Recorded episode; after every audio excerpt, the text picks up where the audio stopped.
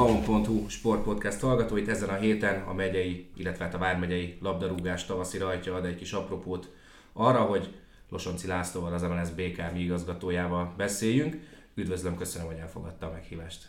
Üdvözöllek benneteket. Mielőtt rátérnénk el az évre, azért térjünk vissza egy kicsit a 2022-esre. Ugye nehéz éveken van túl a megyei labdarúgás is, mondhatjuk a járványhelyzet, a Covid miatt azért a bajnokságot is eléggé megtépázta ez az időszak. Milyen volt a tavalyi év, mennyire sikerült már visszaállni esetleg a boldog békeidők állapotába? A Covid elmúlt, illetve mérséklődött, ezért a 2022-es bajnoki indulásunk már zöggenőmentes volt a, tulajdonképpen a csapatok száma nem változott az elmúlt időszakban, megint körülbelül 96 felnőtt csapat nevezett, és az utánpótlás csapatok nevezési száma sem változott. Ugye a 2023-as évhez kapcsolódik már azért az őszi szezon is.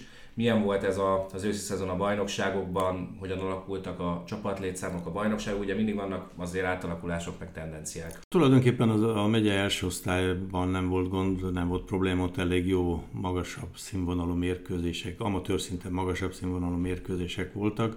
Ami problémát jelentett a nevezéskor, tapasztaltuk, hogy a megye hármas osztály, megye harma, hármas osztályban, harmadik osztályra többen neveztek, mint amit mi vártunk, és így a megye kettes, megye másodosztályú nevezések szám csökkent, és ez abból problémás, hogy a déli és az északi csoportban kevesebb csapat indult megye másodosztályban. Igen, ez megfigyelhető tendencia volt. Nyilván azért eljutnak önökhöz is információk ennek a tendenciának, mi lehet, a, mi lehet az oka. Én úgy gondolom, hogy a csapatoknál a felnőtt játékosok száma igencsak csökkenőben van. Ha kivennénk a 40 év fölötti játékosokat, akkor igencsak probléma lenne. Rengeteg a pálya elhagyó, a gyerekek képzése, ugye 5 éves korban kezdődik, és amikor oda jutnak a 14-15-16 éves korban, 16 éves korban, akkor nagyon sok pálya elhagyó van, és nyilván a felnőtt csapatokban kevesebb a felnőttek utánpótlása.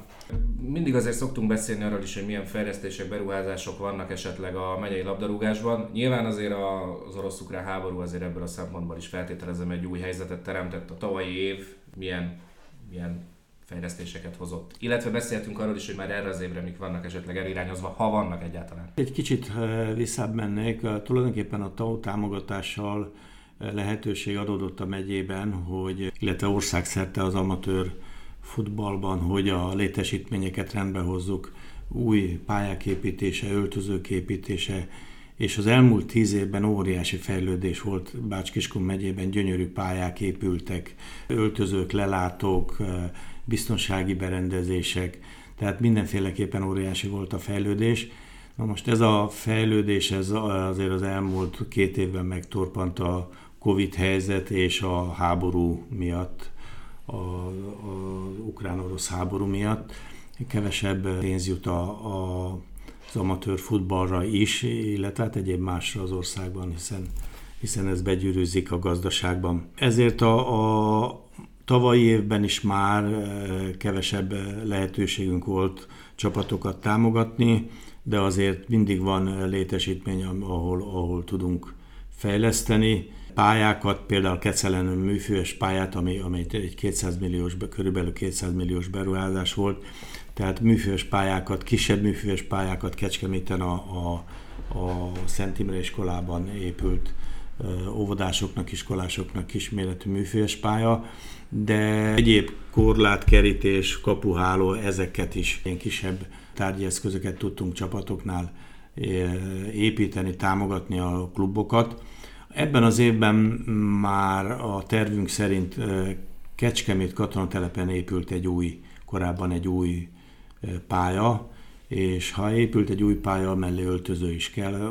Tudomásom szerint a katonatelep környékeiben legalább 6-7 ezer ember él, és azoknak is szeretnénk megteremteni a feltételeket, hogy jó minőségűben tudjanak amatőr sportot űzni, labdarúgást űzni, hiszen nagyon szép létesítmény van ott kint, és ott épülne egy új öltöző, ugyanakkor Bácsalmáson épülne egy öltöző rendszer, hiszen ők a, a amatőr bajnokságban 11 csapatot üzemeltetnek, Ezen kívül, ha minden jól megy, áprilisban lesz átadó Kecskeméten a Katona Gimnáziumban egy tornaterem, illetve egy sportcsarnok, amit a Magyar Labdarúgó Szövetség kb. 680 millió forintot támogat, és akkor tulajdonképpen itt meg lesz a helye a Kecskeméti futszál csapatnak, és tudomásom szerint akkor iskolai órák után a futszál megye, NB1-es futszál csapat is tudja használni azt a termet. Láthatjuk azért, hogy vannak azért tervek, meg beruházások. Ugye a háború és a Covid helyzet mellett azért van egy másik csapatokat is kipróbáló feladat, ugye ez pedig a rezsijárak elszabadulás, ugye láttuk MB3-ban is voltak csapatok, akik visszaléptek. Milyen visszajelzéseket kapnak esetleg a megyéből? Voltak-e csapatok, akiknek itt a működése veszélybe került, vagy vissza kellett lépniük ebben az évben? Igen, ez problémát jelent országszerte. Természetesen mindenkinek húzni kellett a derékszíjon egy kicsit, kevesebb jutott egyéb más költségre ki kellett fizetni az energiaárakat.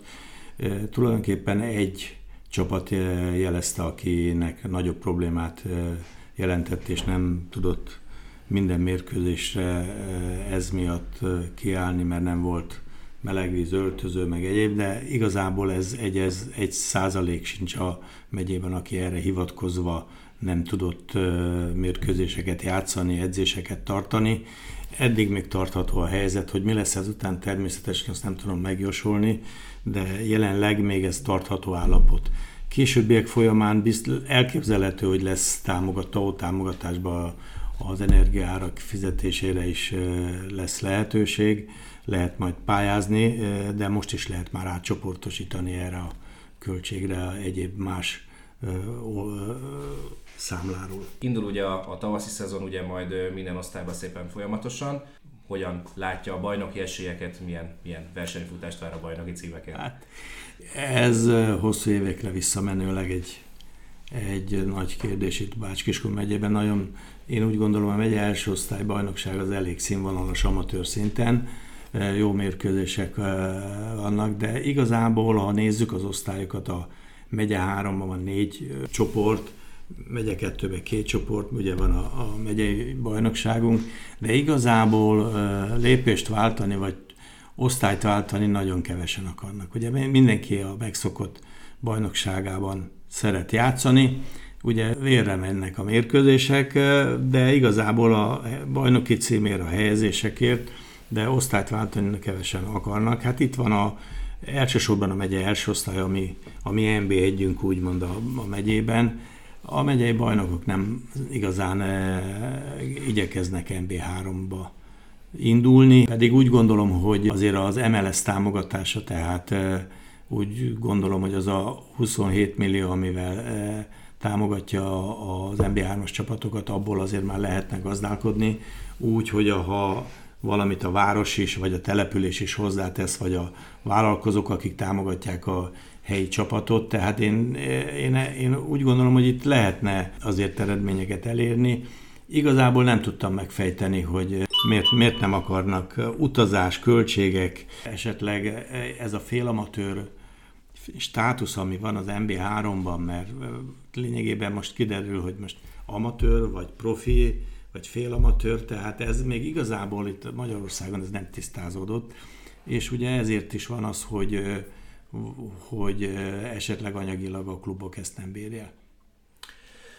Van azért ugye MB3-as, MB2-es és MB1-es csapata is ugye a, a megyének jelen pillanatban, ugye nyilván a KTL 2 szerepel az MB3-ba, a Tisza Kécske az MB2-be és ugye a Kecskeméti T az MB1-be. Kezdjük fölülről, ugye a Kecskeméti T feljutott a tavalyi évben, erre senki nem számított, de ugye újra van már MB1-es csapata Bács-Kiskunvár megyének, és hát arra szintén kevesen számítottak, hogy második lesz még 21 forduló után majd a csapat az NB1-ben. Mit jelent egyébként ez a megye számára, hogy újra az NB1-es térképre felkerült? Hát először is gratulálok a stábnak, aki részese volt a feljutásnak, a tulajdonosnak, az edzőgárdának, a játékosoknak, mindenkinek gratulálok, ez óriási teljesítmény volt. Természetesen én is azok közé tartozom, akik nem számítottunk rá, hogy hogy osztályt vált a KTE, de mindenféleképpen egy megyének a labdarúgás helyzetét meghatározza, hogy van-e MB1-es vagy MB2-es csapat, korábbi pár évvel ezelőtt ugye mi nálunk is csak a legmagasabb szint a megye első osztály volt, és hál' Istennek eljutottunk oda, hogy MB1-es, MB2-es és MB3-as csapatunk is van a Nemzeti Bajnokságban. Mindenféleképp ez egy húzóerő, hisz a környékbeli csapatok is azért először is mérkőzésekre is eljárnak, és láthatják, hogy milyen milyen is az NB1-es színvonal, ugye más televízióban megnézni, vagy a helyszínen megnézni, és mindenféleképp egy húzóerő már csak azért is, mert az utánpótlás, könnyebb oda utánpótlás korú tehetséges játékost igazolni, ahol NB1-es csapat van. Ezt korábban én is tapasztaltam, amikor, amikor ott dolgoztam a, a klubnál. Kívánom azt, hogy minél tovább legyen a csapat MB1-be, és legalább annyi ideig, mint a korábbi időszakban, vagy még tovább. A, ezen kívül itt van egy MB2-es csapat Tiszakécske, ez is egy, egy húzó erő, hiszen egy kis városról van szó, a, nézzük a lakosság számát, és az is ott a, a megye északi részén, ott azon a környéken azért össze tudja szedni a gyerekeknek a környékbeli településekről, és egy megfelelő képzést tudnak adni, illetve lehetőséget tudnak biztosítani a magyar játékosoknak, hogy magyar magasabb szintre jussanak, hiszen ez a cél, hogy az amatőr klubokból a tehetséges gyerek profi klubhoz kerüljön, ahol, ahol magasabb színvonalú képzés van. Tehát mindenféleképpen öröm számunkra, szerintem minden labdarúgás szerető számára, hogy Bács-Kiskun megyében ilyen, ilyen magasra került a labdarúgás. Záró kérdésem az lenne, ugye nyilván, hogy szót is ejtettünk róla, vannak nehézségek azért a, a, a labdarúgás életében is, de mivel lenne elégedett az év végén, 2023 év végén, hogyha leülnénk beszélgetni, mit vár ettől az évtől? Azzal lennék elégedett, hogy a 2023 bajnoki év végén, vagy az év végén? Beszéljünk mondjuk az év végéről, naptár év, év végéről. Naptár év végén. Hát az, hogy a jövő, vagy de, december 31-én ugyanilyen szinten lenne a megye labdarúgása, tehát megmaradna az MB1, az M, hát nyilvánvaló ebben a helyzetben el is várható, hogy megmarad, de meg MB1, MB2 és MB3-as csapatunk is lenne, illetve azért örülnék annak, ha a a megye, kettes, megye egyes bajnokságunk ugye megvan, a megye kettes bajnokságunkban többen neveznének, és, és visszaállna a régi rend egy déli és északi csoportra, mert igazából ak- akkor üzemelt jó, amikor amikor a megfelelő létszám van, tehát megfelelő nevezések vannak. Tulajdonképpen nem kellene más, mert 25 év óta általában 95-96 csapat, felnőtt csapat nevez a, a megyei, megyében a bajnokságokban, csak az elosztás, ugye az, hogy többen neveznek megye háromra, és így a megye kettes létszám az csökkent. Ezen kívül örülnék annak, hogy hogy a létesítmény fejlesztést azt meg tudnánk valósítani, amit most elterveztünk, és tulajdonképpen az utánpótlásnál lesz egy kis átszervezés, mert az utánpótlás bajnokságunkban is elsősorban az U13-as bajnokság átszervezésével szeretnénk, ha megmaradna az a létszám, mert meg vagyunk elégedve a csapat nevezések számával, megmaradna és biztosítva lenne a, a amatőr futballnak az utánpótlása, mert ott kezdődik a nagypályás bajnokságnak, vagy fél nagy, vagy három pályásnál az U13-asok, amikor kijönnek a Bocsi programból.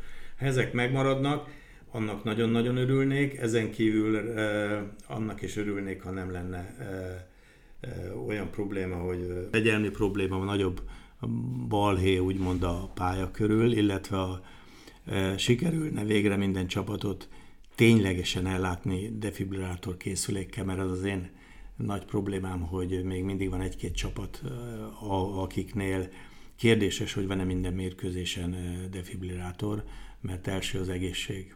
És ezt, e, ebben tevékenykedünk most, hogy ellenőrizzük azt, hogy, hogy mindenütt megvannak-e a készülékek, mert mikor megyünk pályát hitelesíteni, akkor valóban ott van, de mikor a mérkőzések vannak, hogy ott van-e, azt, azt igazából nem tudjuk, és ugye ez egy nagyon fontos dolog, sajnos a, az emberek a csapatvezetők nehezen eh, váltanak a megszokott dolgokból, tudomásul kell venni, hogy felgyorsult a világ, és ha van egyszer egy ilyen lehetőség, hogy, hogy egy ilyen fejlődött annyit az orvostudomány, meg a, a műszerezettség, akkor legyen ott a, a, a készülék, és tulajdonképpen ha, ha megy, maga módján megy a bajnokság, és nem lesz Covid, nem lesz háború, akkor én úgy gondolom visszáll a régi rend, és akkor újból újból lehet nyugodtan az amatőr futballt játszani, és a világ legszebb játéka a labdarúgás, és én úgy gondolom, ezt nagyon sokan űzik a világon, és ugye jelenleg még úgy gondolom, hogy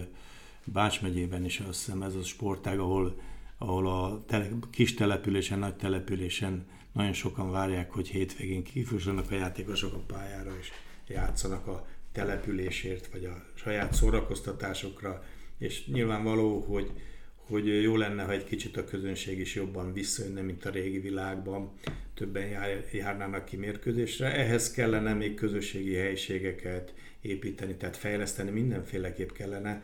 Na hát ehhez kellene, hogy a háború véget érjen, és ne legyen ilyen Covid járvány, mert ha ezek a fejlesztések meg lesznek, akkor biztos vagyok benne, hogy, hogy a családtagok, szurkolók, hozzátartozók többen mennek ki az amatőr mérkőzésekre, és ez, ez úgymond a korábbi időszakban, a 70-es, 80-as években megvolt, ehhez kellene visszatérni, az amatőr futballról beszélek természetesen.